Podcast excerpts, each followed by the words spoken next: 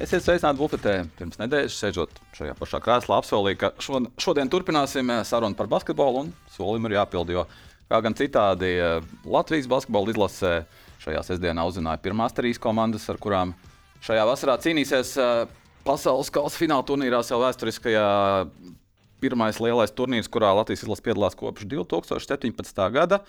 Un šodien bufetē ir viens no cilvēkiem, kurš toreiz bija sastāvā. Nē, tas nav Jānis Jančovits. Viņam, pas, viņam ir dzīvē citas kvalitātes, bet uh, Žānis Pēners gan ir tāds veiksmīgs.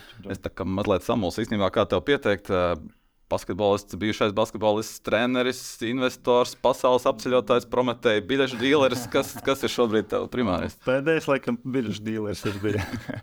Bet tā droši vien bijušais basketbolists pagaidām visprecīzāk. Citu vēl man tādu uh, oficiāli amati nav vēl izkontrolēti izdomāti. Okay, nu, ar Investors. Ar Nu, ko tas tu jau arī tāds. Ar ko tu nopelni savu dzīvē? Tas mēs jau kaut ko investējam, tur laiku, ko- naudu. un Tā kā tas tā.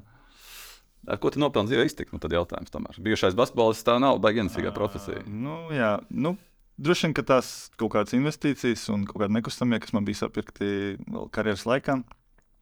Plus bija tie labie laiki, tur Covid laiki, kad tur tika dalīta nauda pa labi, pa kreisi. tad Viņi kaut kur, vis kaut kur plūda, un tad tur nebija grūti nopelnīt. Ja tu tā kā droši rīkojies un investēji, tad uh, droši vien tagad es dzīvoju, tie droši vien ir teikt, iekrājumi. Jo pēdējais gads, kā mēs redzam, tur ekonomikā nav bijis tur spožākais, un līdz ar to arī visās investīcijās tur uh, principā saglabāt to, kas ir jau, jau bija droši vien ka lielākais panākums, kas gandrīz nevienam neizdevās. Tā kā arī es tur droši vien, kad uh, jā, gan kaut ko patērēju vairāk, gan kaut kur kaut kas ir zaudēts. Bet, Uh, esmu virs ūdens un uh, pagaidām vēl varu dzīvot bez, bez profesijas, un tad jau skatīsimies tālāk, kā ies. jā.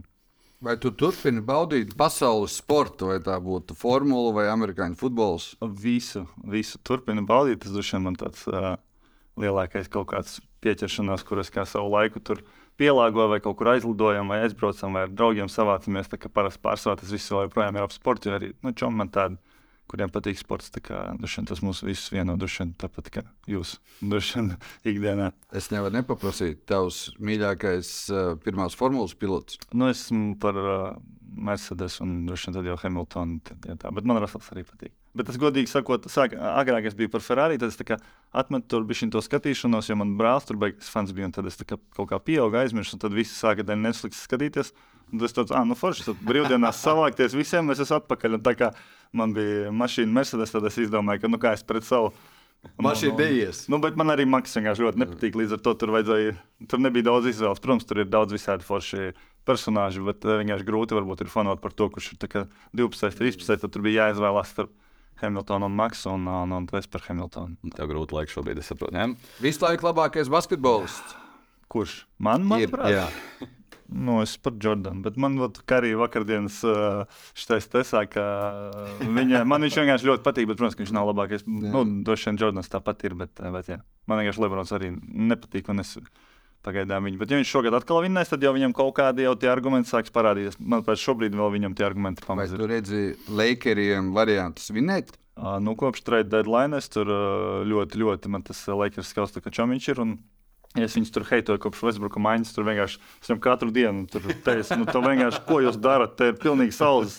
Un tad, kad viņi uztaisīja tās maiņas, es tāds viņam uzrakstīju, klausies. A, viņš pats jau beigās Jā. tur gandrīz vai neticēja, ka tur var kaut kas sanākt. Es saku, nu, jūs uztaisījāt tik labas maiņas, ka nu, tur jums ir varianti. Nu. Un, principā, tas šobrīd tas tā arī iet. Es nezinu, kā viņam tur tālāk ies, bet nu, viņam it kā viss ir teorētiski uz papīra. Viņi ir laba komanda, viņiem nav baigo vājo punktu, un tur jau kā sanāks. Nu, tur, kā kuram tur kaut kādā spēlē, protams, ir karjeras, tur atkal 50 metīs, tad jau, protams, jā, bet ja tur kaut kas kaut kā ierobežos, principā es neredzu arī komandu, kuru viņi nevarētu uzvarēt Lakers šogad. Es domāju, ka viņi ir labā pozīcijā. Protams, viņiem es tā kā neliktu, bet, uh, bet nu, viņi varētu. Es nebūtu ļoti, ļoti pārsteigts, ja nebūtu. Klāpa par basketbolu runājot, tomēr par tevi pašu jāprasa. Tu esi tā kā, mm, gan profesionāls, gan amatieru basketbols. Tev tā kā ir beidzies šobrīd, tu esi nolicis svītru tā pavisam. Nu, Vai tu arī savus highlights aizsūtīji Lakers? Nē, nē, nē, nē, nē, es nekur ā, jā, es kā negribēju tur nekādu voice tur oficiāli beidzu vai neko. Jo nevar zināt, kas man tur galvā varbūt pēc pusgada izdomāšu. Jo, bet ā, šobrīd, jā, tā kā nē, es esmu spēlējis jau pasen un, un netaisos pagaidām arī. Bet nu, man ir kā 3-2 gadi, varbūt vēl jau. Rekur karīs 3-5, Lemons 3-8. jau nezinu, kas man tur notiks galvā. Varbūt es izdomāšu tomēr Bet kaut ko. pat PMK uzkāpa. Tur bija tas rādītājs, tev tu pats esi teicis. Ir labāk. Ir labāk. nē, nē, nu, tagad man sadzīvē viss ir ok, bet uh, Jā, jā. Nu, ot pagājušajā gadā mēs tur, ā, kad mēs trenējāmies ar Kristofu, tur kaut ko sākām tur trenēties, tad mēs kaut ko tur pasparingojam, viņš mm. tur kaut ko viens uz viens, un tad it kā jau tā kā es sāku justies, ka labi iet tur kaut kādas dienas, pat tur kaut kā tā kā sanāk uzvarēt, liekas, tad mēs uzspēlējam 5 uz 5. Es tad saku, nu, ja jau es tādā formā, ka es tur tāpat katru dienu kaut ko daru, tad varbūt arī ir vērts uzspēlēt, ja man nekas nesāp. Un tad mēs vienkārši dienu starpā, kā man nekas nesāp, cels nesāp. Svaru zālē ienāk Marks Meijeris. Es tā, o, čau, pagriežos. Ui, kaut kas te man nograkšķēja. O, Un nu, vienkārši nākamajā dienā cēlās sapams, nedēļa klibojas. Tas nu, labi skaits. Tā ideja, kas man uz 5% sāka vilkt, varbūt tomēr apdomāt kaut kā. Un tas, nu, ok, šis bija tas krustiņš. Jā, nu, viss skaidrs. Jā, Es aizgāju uztaisīt magnētu. Viņi saka, tur, kur tev bija ieplīsis skrims, tas viņš blakus vēlreiz ieplīsis. Mm. Nu, viss skaidrs. Nu, skrimšana man vairs netur. Un es, protams, tur, nu, ja baigi gribētu, es jau varētu kaut ko tur savesties kārtībā, aizvākt, parakstīt, un tad cerēt, ka viņš man tur nesalūzīs. Ja salūzīs, tad viņi man maksās algu. Es jau varētu tur kādu apčakarēt, droši vien vēl uz uh, kaut kādiem vecajiem CV, bet uh, es vienkārši negribu būt tajā pozīcijā, kad es tur kā pats zinu, ka es kā ļoti liela iespēja, ka kaut kas man nebūs kārtībā. Un, Varbūt Latvijas universitāte atgriezties tā teikt. kur Nu, sākt ar- nē, vat tāpēc arī nekādā amatieru basketbolā nekur es tā kā, nu, ja, ja es nevaru profesionāli un es, man veselība nav super, ka es droši par viņu, tad es labāk aizietu uz svaru zāli, kur pastaigājos tur kaut kādām, vakar tur ar kādiem huskiem pa ceļu, tā kā man tāda slodze un vai kaut kāda pludmales futbola tur vai kaut kas man, tas man daudz vairāk interesē, jo baskets tomēr es jau viņu zinu, kā jāspēlē, līdz ar to es tā kā negribu vai nevaru un, un iet tur, ar- nu, man tas kaut kā, man tas iet Ža- pret, pretstatā ar maniem. kaut Bet tad kādiem- tev ir uh, laiks skatīties uh, FIBA pasaules kausa fināla turnīra izlozi, piemēram. bija jā, gāja pa ceļu, tas skatījos. Un, nu, tā. bet nu, beigās man likās, ka mums tika grūtākā grupa, bet uh, tad es palasīju. Uh, kaut kādā neitrālā saitā, nu, kur citas fa valstu fani runā, viņi saka, ka tā Somijas grupa ir visgrūtākā bez variantiem. Es tā pastījos, it kā jau man tā gluži tā kā neliekās, bet tur bija visi par to, ka Somijas grupa ir vis tomēr nāves grupa, nevis mūsējā. Tā kā Es nezinu, varbūt mēs esam bijuši pārāk ā, Japāņi ir tik negatīvi stipri. noskaņoti. Nu, it kā Japāņi droši vien ir stiprāki par Libānu. Vai es nezinu, vai viņi uzskata, ka Somija ir labāka par Latviju, vai kāpēc viņi tā uzskata, es nezinu. Bet tur bija tāds baigais konsensus, ka tā ir visstiprākā grupa. Jā, bet man uh, rekur, jautājums būtu Austrālija pret Kanādu, Franciju un tad Vācija vai Somija. Man likās arī, Jā, man, nu, bet varbūt es nezinu, varbūt viens uzrakstīja un visi sāka rakstīt, jā, tā ir visgrūtākā, varbūt arī tā, varbūt. Bet, uh, man jau liekas, ka mūsu grupa ir visstiprākā bez variantiem. kas mūsu grupā ir stiprākā komanda? Nu, ot, labs jautājums. ja mēs runājam no kaut kāda tur droši vien totalizātora viedokļa, Mm. nu, droši vien, ka tāpat Francija liks droši vien kā favorīts, jo tomēr viņi bija otrajā jā, Eiropas čempionā. Jā, Nu, finālā droši vien, kad viņus ieliks. Bet, laikam, Bet, bet ja, jaudīgākā, tomēr, nu, zinot, kas, kas, kas notiek ar Spānijas basketbolu, tomēr pārējais posms pat ar visu titulu no Francijas, laikam, tādā muskuļu ziņā ir. eh, Tu arī liec priekšā. Es uh, nezinu, vai es lieku priekšā, bet man liekas, ka es. Es teiktu, vismaz līdzvērtīgās pozīcijās, jo Kanāda, Francijā es teiktu, ka Francijas džekiem šī nav bijusi labākā sezona. Savukārt, Kanādas, eh, Kanādas sastāvā paskatāmies, kas ir šobrīd 23 NBA spēlētāji. To vidū mēs varam sākt eh, Oklahoma City's līderis eh, Šais Gilģis Aleksandrs. 3,4 punktu spēlē. Tas ir no NBA, tas ir nopietni. Uh, Ņujorkas Niks, viens no līderiem, kas tikko bija rezultātīvākais mačā, Barets, kas uh, es saprotu, ka nav visiem tie favorīts, bet vienalga. Uh, Džamals Marais tikko iemet 3-4 punktus pirmajā, pirmajā šajā rietumu pusfināla mačā, un te mēs varam papildināt Andriju Vigins, vēl klasiskais, tomēr pirmais numurs. Mums ir uh, Kelijs Oleniks un galvā mums ir arī Dilans Brooks, ir kanādietis uh, šeit. Moblīs arī nav. Evans Moblīs, viņš nav kanādietis. Jā, Jāskatās. Bet, uh, Žani, kas man nošokēja, un Igmāra, uh, Nikola Jokic pēdējo divu gadu MVP, pēc tam, kad Denverā pirmā kārtā tika pāri pirmajā kārtā un izcīnīja uzvaru pirmajā spēlē, otrajā kārtā pāri Durantu un Santu. Mūsu labākais spēlētājs ir Džamals Marejs, un mēs viņam sekojam, saka MVP. Un uh, cerams, ka mēs uh, ļoti iespējams spēlēsim pret Džamalu Mareju.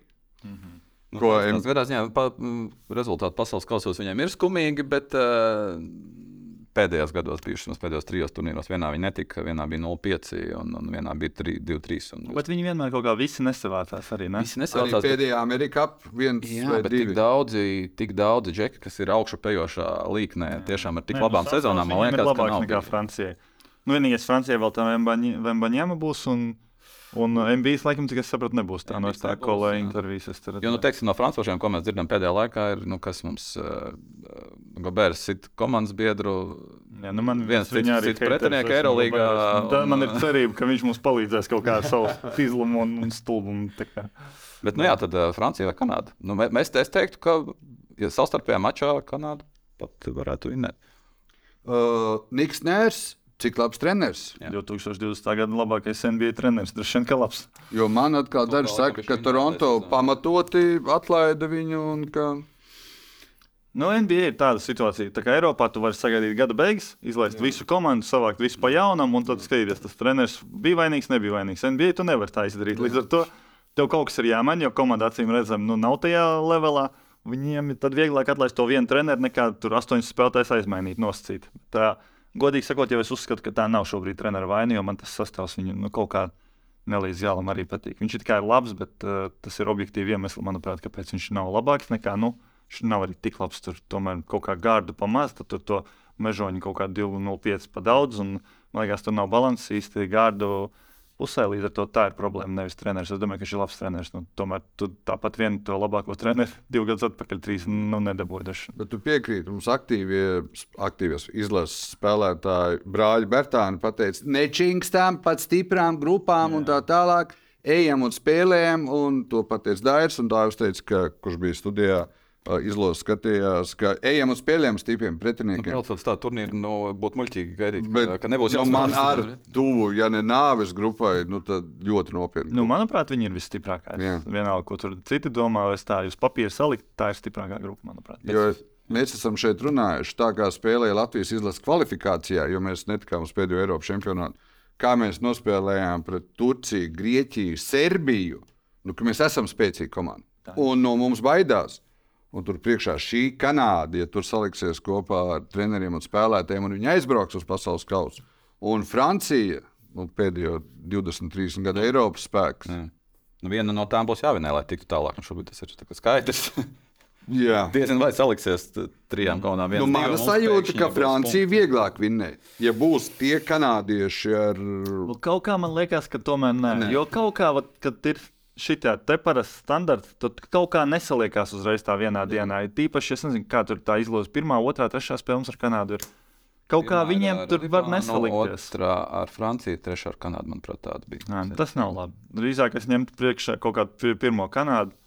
Un, uh, jo kaut kā viņiem tomēr ir jāsaspēlējas, jo tie tomēr ir visi. Viņi nav droši vien nekad spēlējuši kopā. Mm. Mums jau tomēr tas kodols ir spēlējis. Lūk, ir uzlikts sistēma, mēs redzam, viņi strādā. Protams, ja mums nav Lomačs un Strēlnieks, mēs esam ļoti salīdzinoši sliktākās pozīcijās, jo tomēr tur nosīt Strēlnieks pret šai Gilģusu. Es domāju, ka viņš ar savu pieredzi, ar visu, viņš var kaut kā to mismaču ne tik ļoti pamanām uztaisīt. Apgrūtināt. Nu, Vismaz jā, jā, apgrūtināt. nu skaidrs, ka tur nu, līmeņa atšķirība ir liela, bet pieredze, viltīgums, viss ir. Nu, strēlniekam viss ir. Es tā kā viņam ticu, es nezinu, es, viņa liels fans spēles. Ir. Bet, protams, ja mēs uzreiz tur ieliekam, nu, nezinu, Zoriku vai Žagaru. Skaidrs, ka viņi ir jau jaunāki, viņi ir Gilģas uh, vecumā, un nu, tur skaidrs, ka talanta atšķirība ir liela. Un, zinot, kā viņš dominē pār visām NBA komandām, es neesmu redzējis nevienu gan komandu, kas varētu atrast, kā viņu apturēt. Līdz ar to tur ir mentāli grūti, ka tur redz vienreiz, otrais viņš ir tā kā viņam tās rokas garās, viņš tur var izsist bumbas, viņš uzbrukumā tev tinās apkārt. Tur, Un, un, un vienkārši tajā momentā tu vari salūzt, ka strēlnieks viņš nesolīs. Viņš savu līniju spiedīs, spiedīs, viņš zina, kā viņš var savu dabūt metienu, viņš zina, kad viņš var mest, kad viņš nevar mest, un viņš zina, kā viņš aizsardzībā var uh, kaut kā tur apturēt vai kaut kā. Bet, uh, protams, ka jaunajiem, lai arī esmu liels arī viņu spēles fans, gan Zorika, gan Žagara. Bet, uh, protams, ka tomēr tā nu, pieredze, viņš var pietrūkt. Un tādas situācijas, vai tur Lomačs ar savu nekaunību, es zinu, ka viņš iznāks, viņam būs tā kā visticamāk vienalga, ka tur ir pretī Marais vai, vai nemarais. Un, un, un, bet, Kā citiem džekiem ies, es viņus tik labi vēl tādos kaujas apstākļos neesmu redzējis. Es ceru, protams, ka viss būs kārtībā. Man patīk gan tur kurts, gan, gan nu, Dairim jau arī tas vecums jau, nu, Viņš tomēr ir jau kaut kādā ziņā ierobežojums. Viņam tomēr vajag to izbrīvot jau metienu. Varbūt viņš tik daudz pats nevarēs. Tur ir daudz no apstākļu sakritības atkarīgs. Bet es tiešām ļoti ticu Lukam. Un es domāju, ka viņš ar to savu sistēmu uztaisīs tā, ka mēs jebkurā gadījumā nekritīsim ārā. Un mēs vismaz, ja ne abas, tad viena no tām komandām mēs būsim kaut kur tūmā un, un, un, un, un, un uh, mums būs iespēja aizķerties. Es tiešām tā uzskatu. Bet tas vairāk uz treneru, jo mēs papīra mēs redzam, no papīra mums tur ir diezgan maz variantu. Jā, mēs runājam par papīru, un tieši tā mēs nezinām, kā, kas, no, tie- kas no šiem uzvārdiem kanādas izlasēs par būs. Jo bieži vien mēs redzam situācijas, kad šādiem džekiem ir Pirms kvalifi- vēlme tomēr. Pirms kvalifikācijas cikla, šī kvalifikācijas cikla. Uz papīra uh, Serbija bija Serbija, Latvija bija Latvija, uh, Turcija bija Turcija, Grieķija bija Grieķija uz papīra. Nu, tieši tā, FIBA ranga pastamies. Uh, it kā Francija 5, Kanāda 15, Latvija 29. Nu, teorētiski uz papīra nav variantu, bet uh, Serbija bija 6. Ir 6, Grieķija ir 9 un Turcija 16. Visi trīs Vēl mēs uzvar... Jā, nu, tas ir šobrīd. Mēs viņus visus uzvarējām, mēs bijām priekšā. Nu, līdz ar to teikt, ka nu, nav variantu, tas tā mazliet noniecināt varbūt kaut kādu necieņu pret uh, sportu un basketbolu. Ko, protams, mēs tur bijām tā kā mājas zālē, pilnām nu, tribīnēm. un Tur un nu, protams, jā, to visu. argumenti. Bet nu, tiešām Luka spēlē to, tādu basketbolu, kad izsaka, ka mums tā kā ar visām komandām ir cerības. Tā vismaz man ir pagaidām tāds radies iespējas. Nezinu, vai viņš ir kaut kāds tāds maģisks nedaudz, bet vismaz man pagaidām ir baigā pārliecība par Latvijas tieši viņu. basketbola glābējs, tā var teikt. Nu, pagaidām tā izskatās. Nu, protams, mums arī vieglāk spēlēt. Mums nav tie bijuši traumētie, mums ir spēcīgāka grupa. Un man liekas, ka no tādas uh, pozīcijas startēt nav nemaz tik slikti. Tu vari tikai pārsteigt, un, ja nesanāks, nu nekas, mums divi labākie gārdi ir ārā, un mēs pirmo reizi piedalāmies, un mums trāpījās nāves grupa. Viegli spēlēt, es domāju, džekiem nebūs nekāds sloks tur, un, un tas droši vien no tādas pozīcijas vienmēr ir vieglāk nekā tur nosacītās. Tev tur trīs komandas, ar kurām visām var tur, nu, tā kā no mums visi gaidīs kaut kādas tur uh, uzvaras, četras, un tad beigās tu tur ļoti vienā ātri vari kaut kādā momentā saķert kaut kādu neveiksmes līniju, un, un, un, un viens spēles griezumā kaut kas neaiziet. Nes, nesaprata, kā lai spēlē.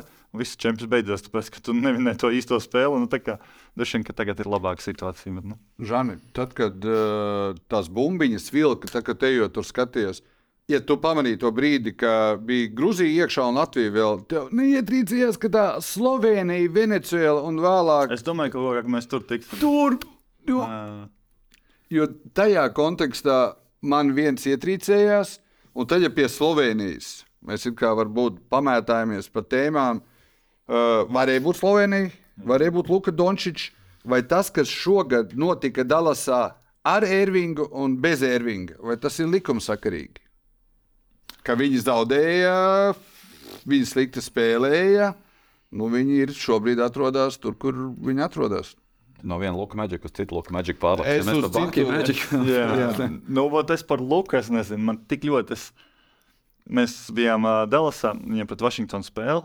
Viņi Dallas mājās zaudē. Viņiem jau tajā momentā, nu tur jau tās uzvaras bija vajadzīgas. Tā kā Viņi zaudēja tajā Vašingtonā. Man liekas, Vašingtonā pat nebija pilnā sastāvā. Es nezinu, vai nu Bils nespēlēja, vai nu es negribu samalot.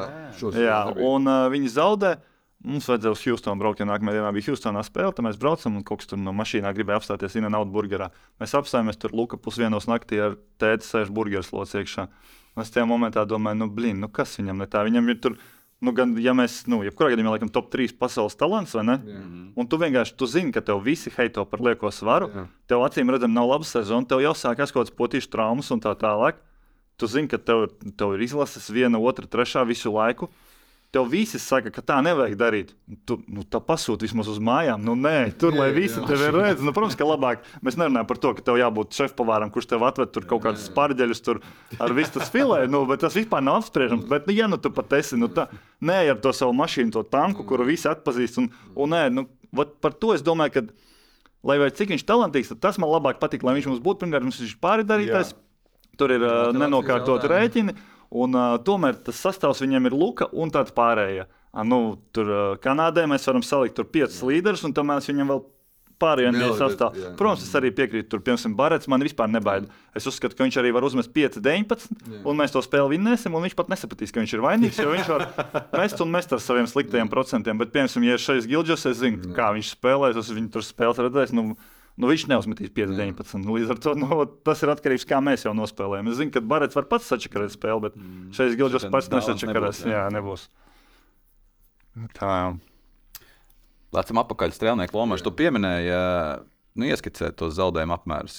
Tu, es tomēr bišķiņ tuvāk zini, cik, ā, nezinu, cik mēs procentus noņemam Latvijas izlasē ar, ar šiem Nu, es vēl neesmu gatavs pavisam viņus noņemt. jo Es tā pēdējās reizes parunāju, un tur tā apkārt kaut kā. Nu, nav tā, ka viņi ir izslēgti abi ārā laikam.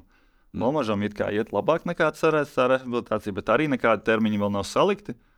Bet nu, tur kaut kādas uh, nu, tā kā parādās tās Cerības. cerības. Jā. Jā, bet, nu, labi, Par strēlnieku arī man likās, nu, kā es to redzēju, ka viņš jau pagājušā vasarā tur gandrīz vai pēc traumām tur kaut kāds arī pavīdēja baumas, ka viņš gandrīz jau beigts taisās, un tad jau kaut kā laikam dērs viņu pierunāja uz to izlasi tomēr atnāk, jo viņš sākumā nemaz nebija, pēc tam viņš atnāca un kaut kā nu, man tā likās, zinot viņu, un tur to likās, ka nu, viņš tur nav. Nu, 18-gadīgais izsalkušais kaut kāds vilks, tad viņš tā, tā mierīgi kaut kas viņam atkal tur kaut kāds mikrotraumas un kas tur varbūt arī tur tā forma vizuāli neizties. Piemēram, Dairis viņš tur tādā gan izvēlē labākajā formā, es tur brīnījos, no nu, strēlnieks viņš varēja redzēt, ka viņš tāds vēl ir eh, nesapratnē, vai viņš grib spēlēt vai negrib. Un tam viņš kaut kā tur ievilkās tajā ritmā, viņam tur tā luka bija tā vieglāk, vienmēr ļāva tur kaut kā. Viņš ievilkās tajā ritmā, sāk spēlēt, un izrādās viņš laikam pats saprata, ok, nu, Viņam nav nekāda problēma spēlēt atkal tajā pašā līmenī, kādā viņš ir spēlējis. Un droši vien vēl tā pieredze viņam dod vēl vairākus plusus. Viņam arī laba sezona bija. Mm. Un, un, un, un es jau domāju, nu tagad viņš saplēs ahilu. Es tā domāju, nu es būtu droši vien viņa vietā, zinot, ka viņš tur ir cik es tā saprotu, viņš droši vien vienmēr ir normāli rīkojies ar naudām, viņš ir daudz nopelnījis. Viņam droši vien tas nav tāds iztikas jautājums, kad es zinu dažus spēlētājus, kur tur līdz pēdējām mācījumam viņš, nu, viņam jā, jā, jāmaksā tur, nezinu, bijušais sievai elementus tur par uh, kaut kādu dzīvokli īres un sazinu vēl, kas ir tādi spēlētāji. Es zinu, ka strēlnieks tāds nav. Līdz ar to man jau liktos, ka droši vien viņš, bet nu, es atkal padzirdu, no es ar viņu pats neesmu bet Padzird, ka viņš ir kā, kā gatavs ir atgriezties. Un es nezinu, vai viņš to pasaules kausu mērķē kā kaut kādu atvesļošanās punktu vai sezonā viņš taisās spēlēt, bet nu, viņš ir kā taisoties spēlēt. Līdz ar to tas Ahils arī. Viņš ir tāds arī, kā mm. kuram. Ir gadījumi, kad no viņa atgriežas tur ļoti ātri, ir kad ļoti ilgi. Kurš būs viņa gadījums, es nezinu. Bet uh, es zinu, ka vienkārši, ja viņi arī, nu jā, bet, nu, ja viņi abi ir vismaz kaut kādā formā, es uzskatu, ka viņi tāpat droši vien uh, palīdzēt. Un, un ja viņi ir gatavi, tad viņi, ir, viņi būs iedos mums kaut kādu pienesumu. Līdz ar to es viņus vēl nesvītroju ārā. Mm. Bet, protams, tas pienesums, nu, ja mēs spēlētu sezonu, un mums nebūs strēlnieks un lomašs, tad es teiktu, nu, tas ir liels iztrūkums. Vienalga, ko tu paņemsi no Latvijas izlases vietā, tas būs liels iztrūkums. Ja mēs spēlējam trīs spēles, no kurām droši vien divas ir izšķirošās, tas ir tur no 45 minūtes no abiem. Nu, 45 minūtes, ja mēs spēlējam Lomačs vai Kurus Arturs, Visticamāk, tur no, no desmit spēlēm sešās lomašas būs labāk, četrās kuras. Un tāpat strēlnieks pret Zoriku vai varbūt Žagars. Varbūt Žagars var vienā spēlē pret kaut kādu neprocīgu, viņš var uztaisīt kaut kādu šteli, kaut kādu, kaut kas varbūt pat labāk būs. Mēs nevaram zināt, ka tie visi tie spēlētāji, kas ir aiz viņiem, viņi, viņiem ir potenciāls iedot konkrētajā spēlē pat labāku pienesumu. Viņi nav tādi, ka šeit Gilģis, es varu teikt, ka viņš būs nu, 95 no 100 spēlēm labāks par to, kas būs otrs aiz viņa. Bet mums, man liekas, tie spēlētāji ir bijuši līdzīgāki. Un uh, tur ir džeki, kuri var divās spēlēs mums uztaisīt. Tā es vēl negribētu teikt, ka tas ir ļoti, ļoti liels iztrūkums. Tur... Bet Lomas lomē jautājums, nu, kāda viņa ne tikai laukumā. Nu, es zinu, bija stāsts par to, ka Lukbankai atbraucot uz Latviju, neparakstot vēl līgumu, neko bija prasījis zina, zinošiem cilvēkiem. Kurš jums šeit ir lielākais, neteikšu, rupji yeah. kretīns? Yeah. Pasakiet man, kurš ir lielākais kretīns jūsu basketbolā? Nu, Pateicis, ka aiziet pie Riharda Parnēs, nākamā dienā viņam bija vakariņas, Luka bija pēc tam pateicis Džekam, kurš man to atstāstīja. Jā, šitais der. Es, es te palieku šit, ar šito čalu, mēs varam spēlēt. Nu, viņš nu, ģēr, viņš ģērb to tur kopā. Nu, nu zin kā, es nezinu, vai ģērb to. Tur viņš, kopā, bet. Nu, viņš to treniņu kaut kādu to atmosfēru padara ar Bet uh, arī tas ir beigas svarīgi, ka Luka to ir uzskata, ka tas ir plus. Jā. Ka Lomačs jau saprata, ka tas ir kā, ka to visu uztver kā joku, viņš sev atļaujas bišķi vairāk. Jā. Un tas ir kaut kāds, varbūt, dažreiz dzinulis, dažreiz kaut ko motivators un tā. Un, protams, ka kaut kādā es varu iedomāties, ka Lomačs tiek pie kaut kādiem serbiem, un tam viņš mēģina šitā pat uzvesties. nu, es uzreiz varu pateikt, ka tur būs kaut viņš agri vai vēl. Un viņam vai nu viņš tā neuzvedīsies, un viņam viņš uzreiz sapratīs, ka tā nevajag, vai tur būs kaut kas. Šeit Latvijas izlasē ir draudzīga atmosfēra, visu to uztver tā kā vairāk kā joku. Un es domāju, tas varbūt to treniņu viņš kaut kādā, jo tie treniņi ir fiziski diezgan grūti, un viņi ir ilgi, tad tas lomažs kaut kāds izgājiens tāds, viņš varbūt kā vai nu uzzina asinis, vai atkal kaut kādu brīvāku atmosfēru padara. Tā kā droši vien tā, bet garderobē jau tur nav jau tā, ka Lomačs tur ir tas, kurš tur ceļās, visu sanākam, un es tur tagad teikšu kaut ko tādu. Gluži arī nav. Šis ir vairāk tāds, jā, tāds tad, tad krīze. Nu, tad, kad, ir, tad, kad kādam ir jāpasaka, nu, tie, tie, tie džeki, kas ir laukumā, tie varbūt nav tie, kas nu, var piecelties un pateikt tos īsto, to īstā, īstajā toņkārtā. Teiksim, jā, bet, bet, bet kas man vienmēr liekas, kad vienmēr ir pārvērtēts šis aspekts. Vat es zinu, visos podkāstos vienmēr runā, nu, kurš tad ir tas džeks, kurš savāks. Gan manā pieredzē, gan, gan citu džeku pieredzē. Tas ir ļoti pārvērtēts aspekts. Tev ir treneris, kurš tev saliek, kā tev jāspēlē. Un tu spēlē tā, kā, tu, kā viņš tev ir pateicis. Un treneris pateiks, tu neiztaisīji labu stepautu, vai tu izdarīji tas, un tur ir tā kļūda. Tas, ka mums kāds pienāks, vai džeki, davai maucam, nu visi tāpat grib uzvarēt, visi saprot. Mm. Tu tāpat vienmēr iziet laukumā, ja tīpaši izlases spēlēs, tu rīkojies uz 100%. Tu nevienā momentā nedomā, ah, nu šodien es te kaut kā, nu netak. Tu zini, ka visa valsts uz tevi skatās, visi radinieki. Tur ir vienkārši tā likme ir tik liela. Nu, nav variantu, ka kāds nedara uz 100%. Līdz ar to tas vienmēr ir bijis pārvērtēts, nu, kurš tas savāks džekus. Nu, savākšana varētu būt kaut kādā komandā, bet arī viņi ir pārvērtēti. Es biju komandās, kur nav neviens tāds. Bet, ja tev treneris uzliek visu pareizi, viss strādā, un ir komandas, kur katru reizi kāds tur kaut kādu šovu taisa, davai savācamies šito, šito. Bet, nu, ja tev komanda nespēlē labi, ja tev tie spēlētāji neiet kopā, treneris nozadzis pareizo taktiku, nu, neviens neko nesamainīs. Nu, tur lielākā autoritāte atnāks, viņš pateiks, davai spēlēm. Nu, tāds, nu, jā, mēs jau spēlējam, bet nu, šis nestrādā. Nu, vienalga, kurš to pateiks. Es domāju, ka šis aspekts vismaz, manuprāt, vienmēr ir bijis bijis pārvērtēts. Varbūt pie kā pie kur trenerim. Mēs varam Žanim par viņu pašu paprasīt drusku. Paga, nu, jā, prasīt, varam, jebko. Mums vēl kaut kas tāds - es gribēju paprasīt par pārbaudas spēlēm. Jau šitien, tas tavā vietā sēdēja Kristaps Čēnaks. Toreiz jā. nebija nekas skaidrs. Viņš teica, mēs prasījām par pārbaudas spēlēm. Viņš teica, nu, nevajadzētu Rīgā, nevajadzētu. nevajadzētu Rīgā, jo tas baigi no džekiem izsūc emocijas un paņem noteiksim, to enerģiju, kas būs vajadzīga turnīrā. Mm. Tagad mēs redzam, ka ir četras pārbaudas spēles visas Rīgā. Kā tu kā nu, teiksim, no spēlētāja pozīcijām var teikt, pirms lielām turnīriem. Foršāk Rīgā foršāk ārpusē? Es domāju, ka noteikti Rīgā, jo biļešu cenas ir kosmosā, viss tiks izpirkts, un mēs jau Latvijas federācija dabūs normāli kaut kādu naudu, un nebūs šitie kaut kādi varianti, kur ir bijuši daudz gadu garumā, kad es vienkārši varu iedomāties, kāds darbs ir Ciprusam un Jančēnakam, ka tev ir jāstaigā, jāčīkst, visu laiku tur jāmēģina dabūt to naudu. Un, un tad pēc tam kāds tur sūdzās, ka kāds Džeks ar Raineru tur lidoja, vai tur, nezinu, tur nu, visādas situācijas no, ir bijušas, protams, jā, bet uh, Es domāju, ka tas ir galvenais aspekts. Pirmkārt, Latvijas iedzīvotājiem būs liela svētki, tiem, kas atnāks vai tie, kas skatīsies pa televizoru, jo jebkuru spēli, pie tiem, it īpaši par tādiem pretiniekiem, tas jau ir viens aspekts, otrs būs Latvijas federācija nauda.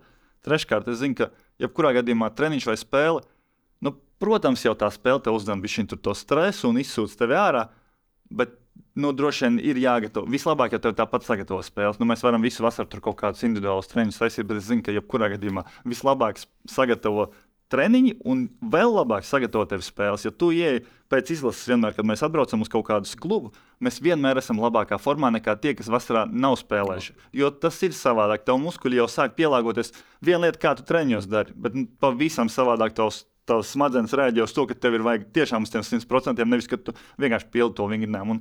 Tā starpība, tu nospēlē tās desmit spēles, un tavs organisms ir 100 procenti labāks nekā tas džeks, kurš ir individuāli trenējies. Lai kā viņi saka, tur individuāli treniņi, tur super svarīgi. Nu, es zinu, gan pēc sevis, gan pēc mm. Kristapa, gan pēc visiem, ar ko es esmu spēlējis, spēles sagatavot vislabāk. Līdz ar to Latvijā, kad tu jau zini, ka tev desmit tūkstoši fani skatās, spēles. es domāju, noteikti 100%. Un tīpaši pret tādiem pretiniekiem, kur... Zviedrija, Grūzija, Dominikāna, Somija. Okay? Jā, es domāju, ka jā, tur katrā gadījumā ir, ir zvaigzne cilvēki noteikti atnāks. Jebkurā gadījumā viņi pret Angliju tur nāca pat, pat divām dienām, trijām izpirka biļetes. Tad šito es domāju, ka no es domāju, te būs viss izpirkts, būs forši svētki Latvijai un, un, un, un viss būs super. Jā, uzdod savu jautājumu. Pēc cipariem tev ir uh, divi fināla turnīri Eiropas. Skaidrs, ka 17. gadā tie cipari ir labāki, nu, gandrīz divreiz. Vai tev bija tā, ka izlasē nu, tas turnīrs, kas paliek atmiņā, tur lūk, pāri darījums? uh, Dončičs un, un, un Dragičs, vai tas 17. gada fināla turnīrs, tas tavs izlasē ir. Ko tu atceries, ko tu jūti? Nu, nu, protams, jā, jā, tā ir. Turpat jā, nav ko man vairāk piebilst. Tas, tas bija. Tad tev arī gribējās to Sloveniju. Arī dēļ. Gribējās, jā, jā, gribējās. Es domāju, ka visiem arī Latvijas izlases faniem gribējās. Un es zinu, ka tur ir tāds palicis kaut kur bišķiņš. Jā, tas arī, ka tur Kristaps bija vienā komandā, un tagad vairs nav. Es domāju, tas arī kaut kādu vēl papildus stāstu iedod. Kā, nu, Es domāju, bet nu neko varbūt pēc tam kaut kur ar viņiem. Nu, un klubā sanāk 18. un 19. gada sezona Darusa Faka un 28. Eirolandes spēles 14. pamatā. Tas, lai kā tu esi pats teicis, tas skaistākais laiks ir tas Latvijas universitātes, kad pirms tās maksāšanas, kad varēja priekam Jā. spēlēt un tā tālāk, ar, ar pirmajām veselības problēmām tika galā un tā daudz maz. Jā. Bet tā principā no tā profesionālā Darusa Faka, Eirolanda. Un... Nu, Droši vien vislabāk es spēlēju Lietkabelī gadu pirms. Yeah. Un, un tur man bija labākā statistika, labākā loma. Un droši vien Darusa Faka. Tas nebija Eirolanda. Nebija, jā, bet jā. Uh, jā, nu, bija Eiropas. Bet, uh, Eirolandā, protams, ir īpaši pirmie laikam, divi mēneši, kamēr atlaida to treneru, kurš man parakstīja. Un pie viņas visu laiku gāja pamatā, visvairāk man minūtes vienmēr bija, un arī statistika bija laba pirmos divus mēnešus. Tad atnāca jauns treneris, un viņš man uzreiz nolika kā, kā pēdējo. Uh, no pirmā treniņa, pirmās spēles, kad es esmu pēdējais leģionārs. Līdz ar to, protams, pagāja laiks, kamēr es tur kaut kādu tur to atkal vietu rotācijā. Nu, kā no 30 minūtēm man uz 12, protams, tā ir liela starpība. Un, droši vien, ja mēs paliktu ar to pirmo treneru, tad droši vien man tā sezona visticamāk būtu labāka, nu, turpinājusies būt. Bet, uh, bet nu, kā sanāca, tā sanāca arī objektīvi iemesli dēļ. Es saprotu, ka droši vien paveicās man, ka es vispār tur tiku uz to vienu sezonu, un viņa nebija nemaz tik slikta. Tur, Ne, nebija gan tik slikti. jā. kā- Jā, tā kā kopumā Mums nav nenormāli daudz Latvijas basketbolistu, kam Eirolandā ir daudz. Jā, jā. Tu pišķiņ, tā, jūs te Eirolīga, NBA mētāties. Es, jā, jā, man jā. Vēl viena. Uh, nezinu, vai tu Twitterī, sociālos tīklos pamani, ir daļa Latvijā basketbola mīļu, kam uh, vienīgais basketbols ir tikai Eirolandes basketbols. NBA ir gandrīz vai izrāde, un tas ir vairāk šovs. Cirks. Cirks, uh, īpaši regulārā sezona. Kā tev, kurš ir ļoti seko līdz NBA un pats spēl, spēlēs Eirolandā? Ko tu saki par šo apgalvojumu? ka Tas ir cirks un Nu, protams, ka tās ir muļķības. Nu, protams, ka tās ir muļķības. Tas ir tāds, nu, tam, ko tu seko, tas ir labāks nekā tas, ko citi skatās. Vienmēr. Kā, nu, nu, nē, nu, protams, ka tur džeki spēlē. Arī viņi tāpat cenšas, arī tāpat. Protams, Eiropā stingrība treneriem ir lielāka, un līdz ar to, ja tev ir tā kā stingrāk ar pātagu mausu, tad tu visticamāk tos bišķiņu procentus vairāk atdos. Bet tas, ka tas ir kaut kāds cirks vai džeki tur necenšas, un tā tālāk, protams, ka tās ir muļķības. Tāpēc, ka viņi tāpat cīnās par milzīgiem līgumiem, tāpat viņus skatās tūkstošiem fanu, tāpat viņiem Twitterī tur un vis kaut kur visiem uzbruk un uh, brūk virsū, līdz ar to viņi tur nevar atnākt un tā, nu, mēs te kaut ko šodien ar šodien es negribu. Nu, visi viņi cenšas. Es to varu gan dzīvē redzēt, gan tā. Protams, dažreiz tur varbūt skatoties Eiropas basu, kur tur vienkārši pieci džeki tur ar kulakiem skrien tur vienam otram virsū, liekas, ka viņi ir vairāk uzvilkušos, bet arī NBA tikpat ļoti viņi tur skrien viens otram virsū un kaujās un tā tālāk. Tā kā, Protams, nu, plēsofos tu vari redzēt, ka tur ir vēl jau vairāk arī fani. Tā kā ot, teicu, pirms tam, kad uh, regulārajā fani tur atnāk uz otrās ceturtdienas sākumu. Protams, kad atmosfēra ir tā kā, nezinu, piemēram, Belgradas atmosfēra. Nu, tu tur slēdz iekšā jau no stundu. Tu jau stundu pirms ir, jā, bet tur ir, tu ienāc pus, pusotru stundu pirms, fani jau sāk bļaut, tev jau asinis uzdzen. Protams, tu esi gatavāks. NBA tu ienāc bišķiņu vēlāk, viņi iesildās bišķiņu paviršāk, jo pirmkārt tās spēles ir ilgākas. Uh, spēļu ir vairāk, līdz ar to, protams, viņi tur iekurbalējās bišķi lēnāk, un tie visi ir objektīvi faktori. Bet, uh, Tāpat spēles griezumā, tāpat viņi visi ieslēdzās. Un beigās tur ir tas kapiņš, un tu redzi to intensitāti, un to atletismu, un, un to spēku. Un tu viņu redzi, ka viņš tomēr ir augstākā līmenī, jo vienkārši viņi ir tā, visi bišķiņi labāki cilvēki, lielāki, atletiskāki, meistarīgāki. Nu, to tu vari redzēt. Žani, Eiropā šobrīd labākais spēlējošais basketbolists varētu būt Mirotičs. Jā, droši vien. Nu, un- Ne, lūdzu, nav tā labākā sezona, bet viss kārtībā. Jā. Nu, Nu, Mīcis, tur- pieņemsim, ir labs, un viņš Mirotičs un divi. būs NBA, bet eh, jau īstenībā es nezinu, vai viņš būs. Bet tāda man bija informācija, ka viena komanda jau viņu gribēja, bet tagad tur ir bijuši pamainījušies apstākļi, un varbūt es nezinu, vai viņš būs. Jo starp komentētājiem pat ir tā, ka Eirolandes basketbols ir Eirolandes basketbols. Tas, kas man ir dīvaini, ka ne Micičs, ne Mirotičs droši vien ka nebūtu starp šobrīd 20 labākajiem pasaules basketbolistiem. nē, noteikti. Protams. Nu, tas ir tāpat kā futbolā. Nu, kā tad tu bez Messi, bez Mbappé, lai kāda būtu skaidrs, ka futbols Nē, nē, protams, es tev pilnībā piekrītu. Tas ir, tas, tas ir Jocīgi. maldīgs, prie, nu, tas ir simtprocentīgi maldīgs uh, priekšstats. Bet regulārā sezona ir pagāra, vai ne? NBA. un Nu, ir beisbols bizness. 162 Nē, spēles. Ja cilvēki Nu, jā, nāk un skatās un maksā par to naudu, un uh, cilvēki ir gatavi spēlēt, lai nopelnītu to naudu, tad jau tas ir tā, tirgus salicis tā, ka tam tā ir jābūt. Man vairāk tas Eiropas basketbola tirgus neskatās pareizi, ka tur ir spēlē, Pa neviens izpārdots ir viens skatīties. klubs. Jā, Eiropā pa lielam izpārdots ir viens klubs. Tur, kur notiks Final Four un kur spēlē Rolands Šmits. arī ne visas droši vien spēles. Jā. Nu, Belgradā bija vairāk nu, cilvēku. Man bet, liekas, nu, ka Serbija ir jāpaskatās. Jā, jā Nu, bet Serbijā man liekas, ka uh, gan kad Žanis spēlēja, nespēlēja plus 10 arēnā visas spēles. Žalgeris jā, varbūt. nav jā, visas jā. plus 10. Tās, ka Belgradā tās Bet arēnas vidējais 5-7. apmeklējums redzēja, bija lielāks partizānam kaut kādu tur. Okay, jā, tad mēs pieskaitām Serbiju, bet jebkurā gadījumā, nu, tā kā Žants saka, nu, tev nāk Bet droši vien 80. no viņiem tāpat viss ir mīnusos. NBA ir mm. biznesa, kurš strādā plusos. Līdz ar to tātad, tur viss tā biznesa puses piedāvājums un pieprasījums ir sagājies kopā Eiropā. Viņš ir ļoti tālu šobrīd, gandrīz jebkurā. Kom... Nu, droši vien varbūt ir kāda Eiropā, es nezinu, kluba. Varbūt kāds, kurš kaut kādu pārdeva tur NBA spēlētāju, bet tādā.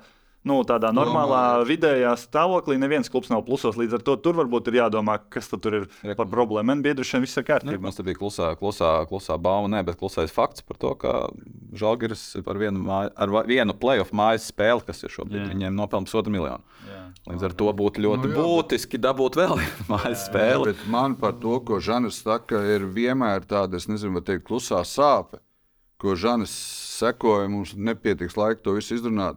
Amerikā biznesa numur viens, uh, amerikāņu futbols. Mhm. Uh, NBA pa otru.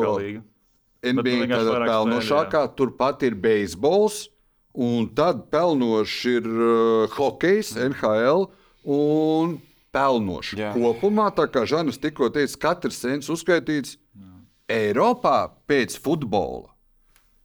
Nu, nevi, nu, kā mēs nevaram? Nav to piemēru pārāk daudz. Ne visi tur viņi Nu, jā, bet futbols atsevišķi miljardu, miljardi Jā, ir jā. korupcija vai nav korupcija. Izlases tie turnīri ir notikumi, neapšaubām.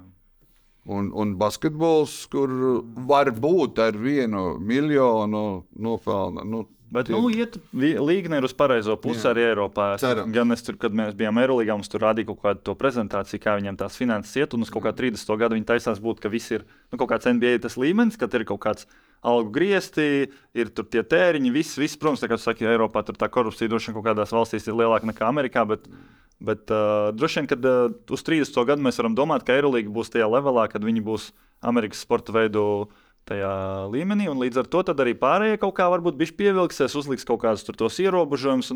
Es domāju, agri vai vēl mēs nonāksim līdz tai normālai situācijai, kad sports ir biznesa, nevis tā kā kādam tur ir lieka nauda, un viņš tur met un grib parādīt, ka viņš ir kaut kāds Tā. Kaut kas sākumā pieteikumā svārstījos, un beigās par to prometēju biļešu dīlerei arī pieminējām.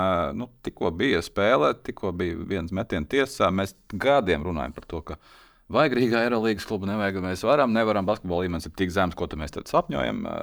Kas tas vispār ir šobrīd? Eirolandes klubs Rīgā. Tas tā ir pilnīgi ilūzija. Un, un, un, un, ā, Nu, jūs stāstāt, ka tas bija divi punkti tiešām. Uh, bet tas ir tas, No ko mums fināla. ā, tā kā vajadzētu. Jo Gran Mēs it kā pēc neoficiāliem, viņi it kā esot atteikušies finanšu dēļ, ka viņi nevarot Eirolandu pavilkt. Līdz ar to viņi ir otrie finālisti. Jā. Bet tā ir neoficiāla informācija. Mm. Ja viņi atsakās, tad ir jautājums, vai Eirolandā dod otrajai vietai, vai to- viņi to- saka, ka London Lions mums ir labāki priekš, nu, prioritāte. Žana, tu kurš uh, nodarbošanās, tev ir uh, investīcijas, sekot līdzi izpētīt. Man iekšējais jautājums bija, kurš ir dzirdējis par, runājam par Latvijas ērgļu projektu, Latvijas Eirolandes komandu.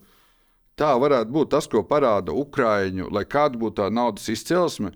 Mums pietrūks tikai to miljonu, lai atkārtotu. Tā ir komanda, kas bāzējās Rīgā. Nu, komanda paņēma treneri, nu, tur ir tik leģionāri, cik ir. Es domāju, ka tie uh, Ukraiņas basketbolisti nav īpaši labāki, ko mēs varētu likt pretī Latvijas. Mums tikai miljonu pietrūks. Nu, kā tas tik tuvu viņam? Nu, veiksmi un miljoni. Ja? Protams, pēc tam viņiem jau nebija īsti fani. Mēs jau Jā. pusgadu staigājām, mēs kortsaidā sēdējām. Tur desmit cilvēki, pāris sievas, un mēs tur pāršķām. Nevienam tur vispār nevajadzēja to. Un tad, kad mēs tur jau tur kādās sākām hype to rīkot, uz to Eirolīgu, tur ko tur, tad pēkšņi visai Rīgā vajag to kortsaidu vai vari dabūt biļetes. Nu, tur es pats nevarēju, tad es, man jāsaka, bija trešajā rindā. Bet uh, pats fakts, ka uh, jā, viņi pat bez faniem gandrīz to sasniedz divu punktu. Un Tur, viņi uzmeta pustālo, mēs uzmetām Metrā, pustālo, un tur vienkārši vienādi metieni, vienam iekrīt, vienam neiekrīt. Bet tas bija tiešām tik tuvu. Un, ja, ja tur telekoms būs tāpēc Eirolandā, ka Gran Canaria ir atteikusies, tad līdz ar to tas tiešām būs viena metiena attālumā. Un tas budžets viņam, protams, ir liels, bet viņš nav kaut kāds tur superkosmiskais. Nu, Tur lielākā alga droši vien kaut 30,000 mēnesī kādam spēlētājam. Tas nav kaut kas tur ASK un Baronas laikos, plus mīnus jau tās naudas bija tādas pašas. Tā kā, it kā jau tas ir Vai iespējams. mums nu, vajag?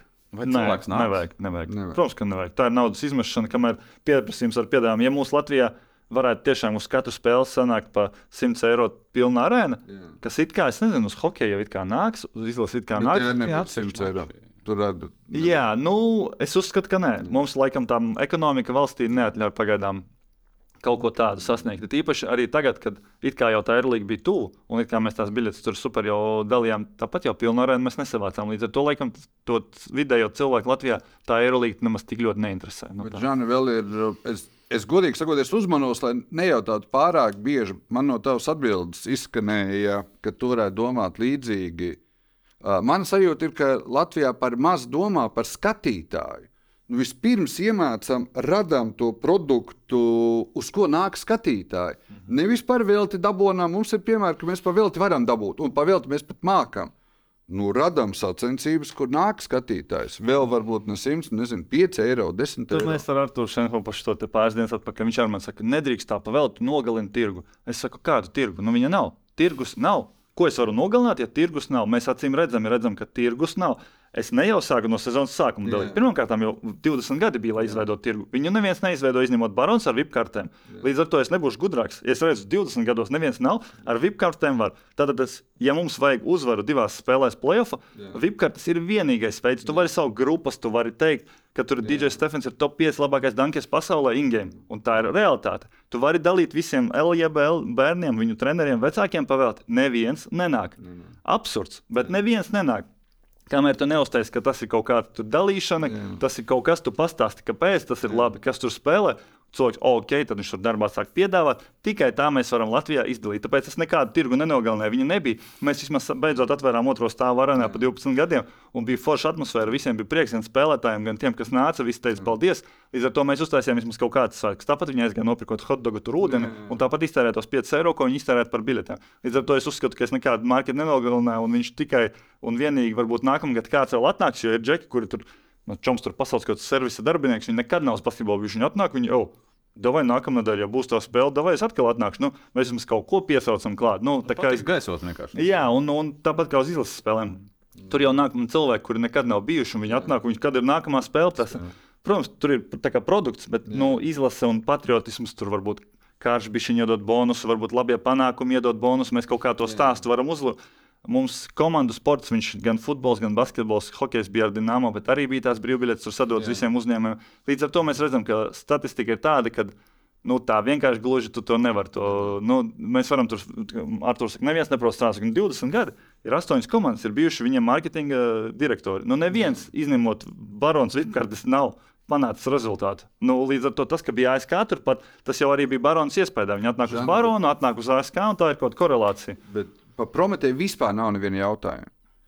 Un nav runa tikai par basketbolu. Hokejs, futbols un basketbols netiek rīkots skatītājiem. Futbolā rīko, lai klubi tiktu Eirolandā, Eirolīgā, Eiropas kausos un sadalītu tās naudas. Hokejs, kāpēc tiek rīkots Latvijā, es īstenībā nemācīju. Tāpēc, kad bija no Maskavas nauda. Nemācīju pateikt, pat Dienāmo nestiekot. Nu, un pēc tā, tā kā tu māki uzskaitīt, pēc tām naudām, pēc tā spēlētāja skaita, mums nav tas klubu sacensības atbilstoši tam, nu, cik varētu būt interesants sacensības. Cik Jā, varētu... Nevienam arī tas neinteresē īsti. Ja tas būtu tas, tas mēs... cilvēks, o, tā kā Belgradā, nu, tur tie fani, viņi vienkārši tur pušoja tik ļoti, lai tā komanda atpakaļ tiek Eirolandā. Es redzu, ka visiem tur interesē, lai mēs tiekam atpakaļ visai pilsētai. Tas interesē Eiropā un, Latvijā. Nevienam neinteresē. Sadaļai arī interesē, lai viņi aplaustos. Viņiem ir visai pilsētai, ir, uh, viņi dzīvo ar to. Mēs aizbraucam uz citu pilsētu, kur nav komandas, nekad nav bijis. Tā kā, piemēram, Daugopilī šeit. Jā. Es eju pa ielu, man vienkārši pa vienu ielu, es jau biju trīs mēnešus kā traumēts ar cirks. Jā. Man nāk fočēties cilvēki, viņi zina, man, es domāju, nu kā šajā komandā pat nav, šajā valstī, šajā pilsētā nekad nav bijusi komanda. Es Daugopilī aizbraukšu, es varu tur desmit gadus dzīvot, man neviens nepienāks nekad nofotografēties. Tā ir taisnība, mums vienkārši nav tā kultūra tāda ap sportu nekad uzveidota. Jā, par izlasi hokeja, par izlasi tagad basketbolu, jā, bet tieši klubu nu īsti nav. Un viņu tā mākslīgi tu nevari. Tu vari uz, uzaicināt labāko pasaules marketologu. Un, Tu viņam samaksās tikpat, cik tu varbūt nopelnīs biļetēs. Tur to pievienoto vērtību nu, grūti ir dabūt, ja nav dabiski tas viss izveidots jau gadu garumā. Nu, kopumā Eiropā jau ļoti līdzīgi. Mēs jau par to iepriekš runājām. Tas biznes, nu, nevēl, tas nav biznesa Eiropā. Tas tieši tāpēc tas arī nav, nav tāds. Ja ir mentalitāte cilvēks. Līmenī, tad, protams, ka cilvēks pelna tik daudz naudas, ka viņš var samaksāt 100 eiro, lai atnāktu pasīvi uz spēli. Mm. Tad tev tā matemātika labāk saliekas. Tu saliec kaut kāds spēlētājs, tu saliec to biļešu pieprasījumu, atnāk pilna maza arēna, un tev tie svētki ir loģiskāki. Nu, pārējā Eiropā ir tīpaši kā Latvijā tu viņus loģiskus gribētu uztaisīt, tu viņus nevari. Tev vai nu ir jādod biļetes, vai nu jā, jāsamaksā pārāk daudz naudas spēlētājiem, lai viņi ir pārāk labi un cilvēks jau atnāk, jo nu, nu ir pārāk labs. Nu, tur, Kristapa, tu parakstīsi, nu tad jau cilvēki atnāks gan jau. Bet arī nu, Latvijā ir tik izleps tas vidējais skatītājs, ka viņš pat uz Kristapu nepiepildīs pilnu arēnu sezonas garumā. Viņš kādā momentā domā, ej, jau sapratu visu. Jā, bet, Džan, tu jau uzreiz pa Eirolīgām. Bet tas, ka Latvijas trešajā lielākajā pilsētā un pat tavā reizeknē Es negribu tagad samalot, tur mainās visu laiku tie nosaukumi. Ir amerienti, ne amerienti. Bet ne Daugopilī, ne, ne Daugopils, ne Reizeknas komandas uh, nespēlē, nu, ja nekļūdos, LBL2 noteikti ne. Spēlē arī, arī vislīgā, man liekas, Reizekna tur nekad nav bijusi. Nu, jau ne, nekad, bet gadus 15 nav bijusi. Nu. Tur Bet tā, tā ir. Es, es piekrītu, ka viņai tur nav jābūt. tur. Ja, kā, kāpēc? Nē, kādam lai ir ir jādod? vēl divi, lai kā tas sauktos. Bet ko tas dod? Tu iztērē 100 tūkstošus, lai tur spēlētu, vai 50 Nē, vai ne 40? Tas ir nu, 100 40, droši vien 20. Uh, 30. Reizekne tomēr ir mazāka pilsēta ar to, ka. A, ko tas deva sākumā NHL, kas San Jose uztaisīja? Ko? Tas ir biznesa, par to nav runa. Tā arī Tur pielīdzināts, jā, bet bērni trenē, trenējās basketbolā. Es tev uh, Nu, dodu to, jā, dod to, ka manam 15-gadīgajam dēlam ir mīnus, ka tā ir šobrīd anonīma pārdaugava, kas nav nekādam klubam. Viņš aiziet uzspēlēt kaut kādā, kaut kādā savā LJBL. Viņš tiek kaut kādā, varbūt pirmajā divīzijā izkrīt vai kļūst par čempionu, bet viņš nav pie kluba. Un Rīga ir citādāka situācija. Dod to, ka ja vispār Daugopilī trenējās bērni un Reizeknē trenējās bērni, viņiem ir pieaugušo komanda. Nu, Viņš var kāds būt veidojās. studēt. Viņš var studēt. situācija ir ļoti krasi mainījusies. Es tev piekrītu 30 gadus atpakaļ, kad nevienam nebija internets, nevienam bija televizors, atbrauc Steve's Rich, visai pilsētai ir svētki, jo atbrauc Steve's Rich, visi grib būt kā Steve's Rich. Tagad, tu atvedi. DJ Stefans, tu viņam saki, nāciet, skaties pa vēl. Jā. Saka, nē, es jau redzēju, Džamorans iedankoja, tad viņš tur striptīs klubā bija, es jau tiktu kā visu redzēju. Man šis nekas neinteresē. Bērniem vairs neinteresē. Viņi, es esmu redzējis šitos, kad tu viņam stāsti tas, tur šis, tad tas. Es atbraucu uz Reizekni, viņa treneris saka, jūs kā, es vēl spēlēju Eurolīgā. Viņš prasa 2006. gadu. Zināt, kādu tas ir? Viņa tā kā klusē. Es domāju, varbūt kautrēs, varbūt kas. Un tad viens kaut kas tur. Viņš spēlē uh, Fenerbahčē. Neviens neiesmējās. Visiem liekas, ka tas ir ok. Tad citi treneri saka, nē, varbūt kāds cits zina. Klusums tā, šitā, un tad citā turciskā. Un viens kaut kāds tur pasakā, kaut kādu nepareizu faktu izrunā. Un tāda ir tā situācija. Bērniem vairs nav tā kā 20 gadus atpakaļ, kad tev kaut kāds lokāls patriotisms. Viņi zina NBA, viņiem interesē NBA. Varbūt kāds pastāstīs Eirolīgā. Viņus vairs nemotivēs tas kaut kāds Daugopils uh, laineris. Bet mums, kā vecākiem, nav vispār kur paskatīties. Mūsu tur, kur notiek 16, 17 gadīgiem mūsu bērniem, uzzina augšā balkonā, tad tu kaut kur apēji apkārt balkonā, tad tev tu tā viena rinda kaut ko tu tur šitien tā paskaties. Nav skatīšanās kultūra kā tāda. Viss ir spēkā, ko tu aprakstīji. Un tur es nesaskaitīšu Amerikas vidusskolas. Nav runa labi vai slikti, bet kur es domāju, ka vidusskolu čempionātā varētu būt atsevišķos štatos pie diviem tūkstošiem skatītājiem. Ža. Un es neticu, un Amerikā uh, bērniem vēl ir TikToks.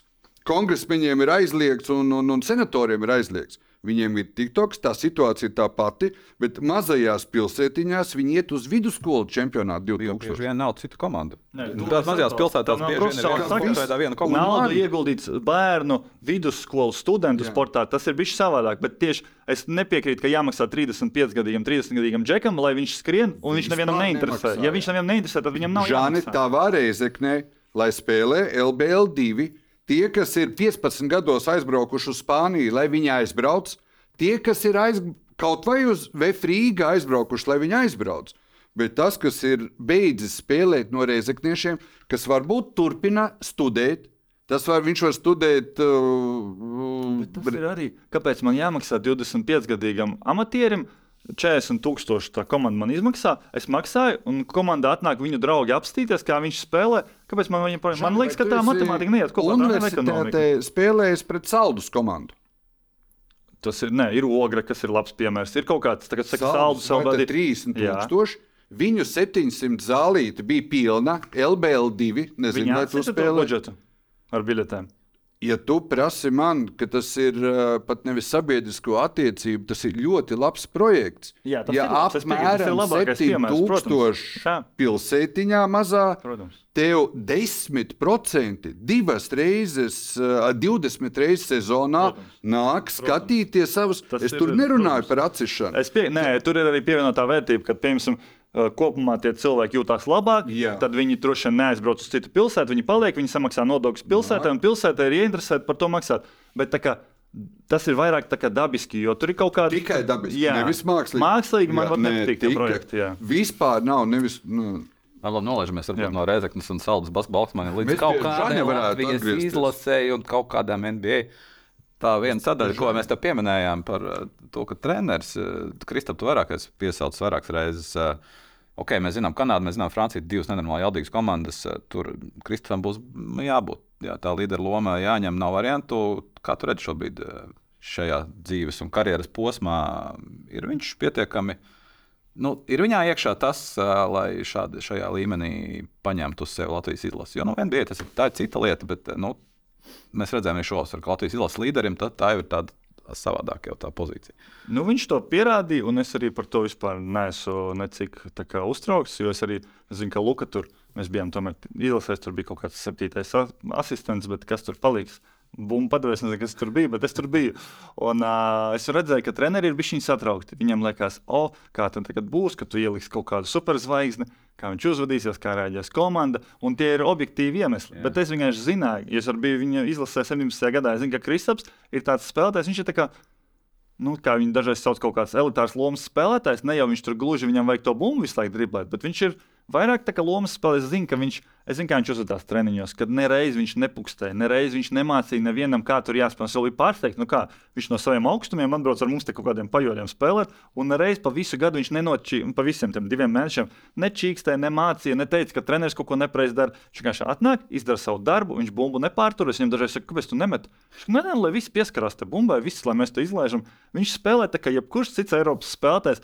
Protams, ka viņam ir daudz labākas uh, iespējas, bet viņš pat, nu, nekad, jūs arī droši vien pēc tam vasaras spēlēm redzat, nu, viņš nepārspīlē. Viņš neņēma pa daudz, ne metienus, ne sāsināšanas. Viņš tā kā dabiski to visu izdarīja, tāpat savāca savus punktus, savu statistiku, un viss bija kārtībā. Tāpēc es par viņu vispār neuztraucos. Viņš izdarīs savu to darbu, savu pienesumu, un tur viss būs kārtībā. Un es arī treneriem visu laiku teicu, viņi mēs redzēju, ka viņi domā, ka es varbūt viņa čoms, un es biju pārspīlējis. Es saku, nu, neuztraucieties. Viņš ne, neizdarīs neko sliktu, ne mentāli, ne spēles ziņā. Viņš zina, kā jāspēlē basketbols, viņš viņu izdarīs, un viss būs kārtībā. Tā kā par viņu es vispār neuztraucos. Žan, tev bija visu šī pēdējā gada laikā, mēs drusku jau pieskārāmies.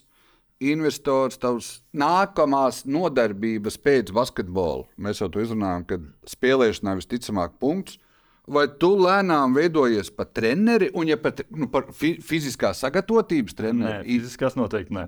Es Individuāli? esmu- Jā, Jūs ar Kristapu strādājat kopā, un uh, arī gatavojaties strādāt. Ko tu trenē? Ko tu māci, ko tu palīdzi? Nu, sākotnēji tas bija tas, ka es kā vasaras treniņos es kā palīdzu, asistēju kaut ko, kaut kā. Tad es droši vien vairāk pievērsos tai, no tādas analītiskās puses viņa spēlē, jo es kā sapratu, ka tur ir tā lielākā pievienotā vērtība, ko es varbūt varētu iedot. Tad droši vien, izanalizēju to viņa astoņu gadu spēli, pateicu, kā es to redzu. Kad, vai, ja tev astoņus gadus šis nestrādā, tad izņemam šo ārā, un tas, kas tev strādā, varam darīt to vairāk. Un mēs pamēģinām uztaisīt to efektivitāti labāk. Jo viņam vienmēr tie cipari ir bijuši. Efektivitāte nu, nav bijusi tā perfektā. Gan tur spēle, procenti no spēles, gan tur vairāk citi aspekti. Ja tur iejaukties dziļāk, tad droši vien viņš man piekrita. Mēs visu vasaru strādājām uz tām lietām. Vienkārši nu, tas varbūt kaut Pagājušo kādā jā, jā. Protams, viņam tas varbūt likās uh, apnicīgi, ja mēs, es zinu viņu kombinācijas, es saku, tu saņemsi bumbu te, te, te, te, te. Šeit labāk pa kreisi nē, jo tu, būsi neefektīvs un visbiežāk palīdzība nāk no šejienes. Labāk dari šo kustību desmit reizes, jo tāpat tev droši vien neviens nenobloķēs. Un tu vari to metienu dabūt katru dienu, pat 15 reizēm. Tad varbūt darām viņu, jo tu viņu met ar labāku procentu. Un tā mēs to vasaru uzbūvējām. Protams, tas bija apnicīgi, bet beigās mēs to rezultātu kaut kādā redzam, ka viņš palicis daudz efektīvāks nekā visas uh, atlikušās iepriekšējās sezonas. Un sezonas gaitā arī es tur, bet tā gan mana pilnībā, mana iniciatīva, ka es viņam kā kaut kādā katrai spēlē saku, ok, šī komanda pie šīs kombinācijas tev tur visticamāk sekos, šī ies Anderā, šī mainīsies, un līdz ar to atkarībā no tā, kā viņi seks šo epizodu, tu jau uzreiz vari zināt, ka tev vajag vai, vai nu atlikt uz trojku, vai nu rolot iekšā, vai slipot, nu tur kaut kāds pamatnieks, bet tas bija vienkārši mana iniciatīva, un es viņam to sūtīju. Protams, viņam arī ir 15 asistenti, kas arī daudz ko pasaka. Bet, nu, protams, es varbūt vairāk domāju, kā viņam ir labāk izdarīt komandas uh, vadību. Droši vien grib vairāk domāt, kā komandai vajag. Varbūt viņam vajag spacing, un viņš tā kā dala sastāvēs uz 8 metriem. Un tad beigās Kristapa visu heitos, jo nu, redz, viņš tur ir stāvējis uz 8 metriem, bet tā jau tomēr ir komandas. Es mēģināju atrast to līdzsvaru starp to, kā būs komandai labāk, ņemot vērā ciparus, un kā viņam pašam individuāli būs labāk. Tā kā es kaut kāds ieteikums devu, es nezinu, jāprasa viņam, vai viņam tas kaut ko palīdzēja vai nepalīdzēja. Bet es vienkārši tas ir tas, ko es darīju, un, un man likās, ka tas ir tas, ja jau es pavasaru. Tā kā tu analītisko pusi viņam visu laiku potēji iekšā, tad arī pa sezonu tur ir tas darbs, vien, kā manuprāt, viņš ir vēl svarīgāks nekā tas vasaras darbs. Žanis, Kā tur beigās bija, Ja tev pašam ir jautājumi, Vašingtonas prese, NBA prese eh, novērtēja, ka kaut ko ir devis. Viņš ir aizvadījis strīdīgi labāko sezonu. Ņujorkā vienā sezonā bija ilgāks Nē, nē, tur nevaru salīdzināt. Tur tās sezonas šī ir desmit reizes labākie. Ja mēs paņemam Desmit visus tos un- sinerģiju status, tur ir vienkārši tā kā- diena pret nakti. Un tad līdz ar to arī jūs ar Kristapu turpināt to virzienu, ko jūs esat iesākuši. Šos ar to pašu? Jā, uh, Un arī bija kā sarunāts. Viņš man teica, kad mēs sākām trenēties. Es saku, nu, pagājušajā gadā mēs tevi tur gatavojām tam līgumam, tur bija izlases, visu mēs tur beigām viņu visu laiku tur uh, vaktējām. Tad es uzreiz viņam solīju, ka šogad, ja tu parakstīsi līgumu, tad tur būs viņam vairāk tas brīvais laiks. Tu dari kā gribi, un it kā jau mēs runājām, ka varbūt mēs tur jūnijā kaut kā sāksim trenēties. bet Es nezinu, vai viņš ieraudzīja izlases izlozi vai kas.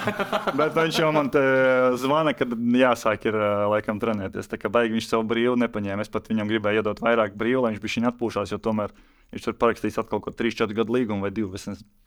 Tev tāpat tas izlase, viss tev, tas basketbols vēl būs pietiekami. Līdz ar to es gribēju, lai viņš varbūt bija iz, nu, nu, izsalkumu to dabū. izveidina. Jā, bet nu, izrādās, nezinu, vai nu viņa izlasa, vai kas nomotivē, bet viņš jau ir gatavs atkal sākt strādāt. Tā kā mēs ķersimies šonadēļ. Līguma, pieminēja, ģenerālmenedžers nomainījies Vašingtonā. Nu, tas jā, Cik nu, tas ir laikam, būtisks faktors? nu, viņi jau tur bija kā laikam runājuši, ka, vien, ka visiem viss ir, nu, tā gluži arī ne, Jā. bet nu, tā kā bija solījumi, ka viņi ir ieinteresēti, viņi iedos tur to līgumu. Un, Un, un Kristapam arī viss tur patīk un apmierina. Un, uh, likās, ka jau tur viss ir loģiski. Bet šobrīd ar uh, menedžeru maiņu ir viss savādāk. Bet, nu, jebkurā gadījumā es domāju, ka, uh, kā es to redzu, situācija, ka jārīna ar Vašingtonu, ar jauno ģenerālmenedžeru, tāpat viņš droši vien izoptosies. Es tā nojaušu. Jo bija labākā sezona, acīm redzam, Nu. tur ir grūti atrast uh, vājo punktu gan uzbrukumā, gan aizsardzībā, ar ko es esmu pārsteigts. Un aizsardzības stipri ir labāk nekā uzbrukuma. Par to es vispār neticēju. Es, mēs tur vairāk tomēr uz to uzbrukumu likām uzsvaru. Un aizsardzība, protams, arī. Bet, Tas es ļoti pārsteigts, ka tie cipari ir tik labi. Un līdz ar to nu, viņš vasarā 27 gados dabūs labu līgumu, jo viņam nav kur piesieties šobrīd. Ne viņš dēļ kaut kādiem ceļiem izlaida kādu spēli šogad, ne viņam ir kaut kāds vājais punkts, ne uzbrukumā, ne aizsardzībā. Nu, nevar atrast. Līdz ar to viņš dabūs to līgumu, un es par to vispār neesmu uztraukts. Vienkārši tas ir jautājums. Es ceru, ka tas būs droši vien labāk Vašingtonā, jo tur viss ir kārtībā, labāk no labuma citu labumu nemeklēt. Bet eh, kā tur būs realitāte, to mēs redzēsim. Tomēr tas ir tāds bizness, ko mēs paši zinām, var notikt visādas lietas. Klau, bet, nu, varbūt tas ir jautājums, nezinu, nepareizs, nepatīkams, bet nu, palikt Vašingtonā, ok, tā ir vieta, kur ir labi, viss ir forši. Bet, eh, Nu, kaut kādā mērā tas nozīmē norakt savas sportiskās ambīcijas. Nav tā, ka šobrīd tu mazliet tā kā savā, nu, 27 gadi nav gluži 22. 27, 27. Tu nav tā, ka tu noroc un atsakies no tām, eh, pārdod kaut kādā mērā, pārdod savus uh, sapņus un ambīcijas. Nu, jā, ir tās komandas, laikam, kādas divas, kuras varētu nosaukt, kur varbūt es nezinu. Nu, Kaut kāda pelikāns, pieņemsim, tur Valančūna vietā. Viņam varbūt viņš labi derētu, tur ar Zajonu uztaisot spēcīgu, un viņi ir spēcīga komanda.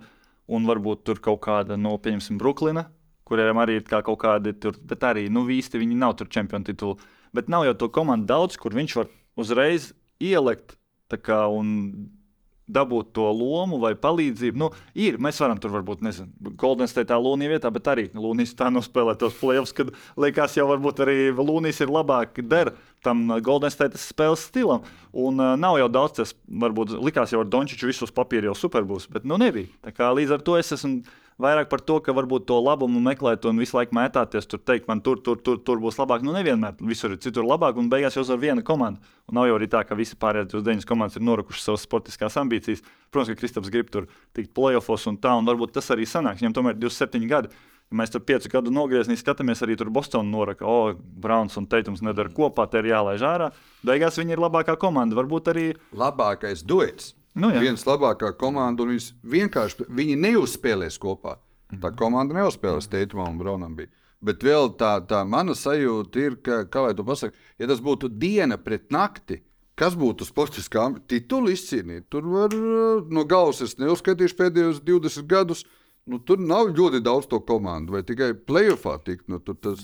Nē, nu es esmu arī vairāk, piemēram, manuprāt, no Lielākas nav slikts spēlētājs. Viņš nav noricis savu karjeru. Viņš ir nereāli labs spēlētājs. Un tas, ja tur kaut kāds, mm nu, es nezinu, ja kurš spēlētājs, kurš vinnēja čempionu līgu, bet bija 11, 12, nenozīmē, ka viņš ir labs sportists un visi pārējie ir slikti. Nu, tā gluži arī nav. Ka, Nē, nē, kaut kā tam bala, jā, balansam jā. tīri tev- Bet, nu, piemēram, viņi nodraftēja Vembaņāmu tagad vi- visāds. Viņiem ir kaut kāds 7% dabūt Vembaņāmu. Viņi dabū viņu, viņam ir kaut kas tur dots.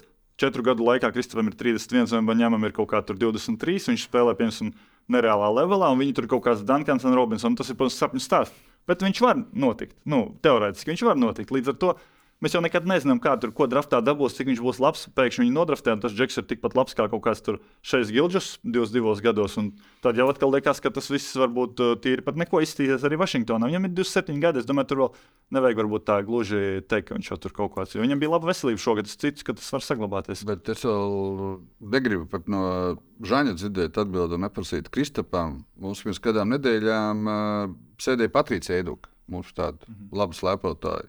Un viņa stāstīja, ka viņai, tā, ka viņa ir sevi visu devusi sportam, lai tas laiks ir labi pavadīts. Es negribu ne žāniem neprasu. Kāda tev ir sajūta? Kāds bija laiks, kur uz papīra Dalasā bija čempionu komanda, kuri cīnīsies? Jā, jā, nu mēs Vai, es vai tu gribētu dzīvot tajā čempionu komandā un pavadīt divi, trīs gadi ar sliktu garstāvokli? Es gribētu teikt. Jā, es pilnīgi pie, es saprotu tā punktu, es piekrītu, jā. bet eh, šis ir jautājums, kas ir jāuzdod. Nu, tā tas ir jāsaprot. Es paši. piekrītu. Es arī piekrītu jautājumam, jo tajā brīdī, jo, kā tu pasaki, tie cipari ir tādi kosmiski. Nu, tur arī es domāju, ka to normāli ņemtu vērā.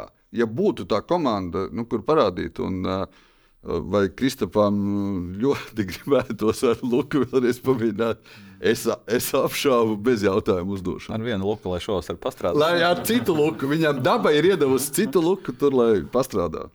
Jā, lai pastrādā, lai pastrādā arī Žanas šovs ar, ar, ar, ar, ar Kristapu un, un, un, un, un eh, investīcijām un visu pārējo. Mēs turpināsim pastrādāt šeit, eh, bufetē. Pēc nedēļas tiksimies. Kas ļoti būs pēc- interesanti. Jā. Pirms tu saki, kas Jā, būs, es- ar Žani varētu runāt. Es arī domāju, ka jā, nu, tas bija ļoti interesanti. Tiešām, Man, man arī patīk. Bet nākamā nedēļa ir tā, kad sāksies pasaules čempionāts hokeja Rīgā. No tā mēs neizbeigsim. Vien par to arī mēs parunāsim. Tā kā tiekamies pēc nedēļas, divas trešdaļas no sastāvā būs tās pašas, tā viena trešdaļa būs cita. Bet nu, redzēsim, kāda. Pagaidām vislabāk!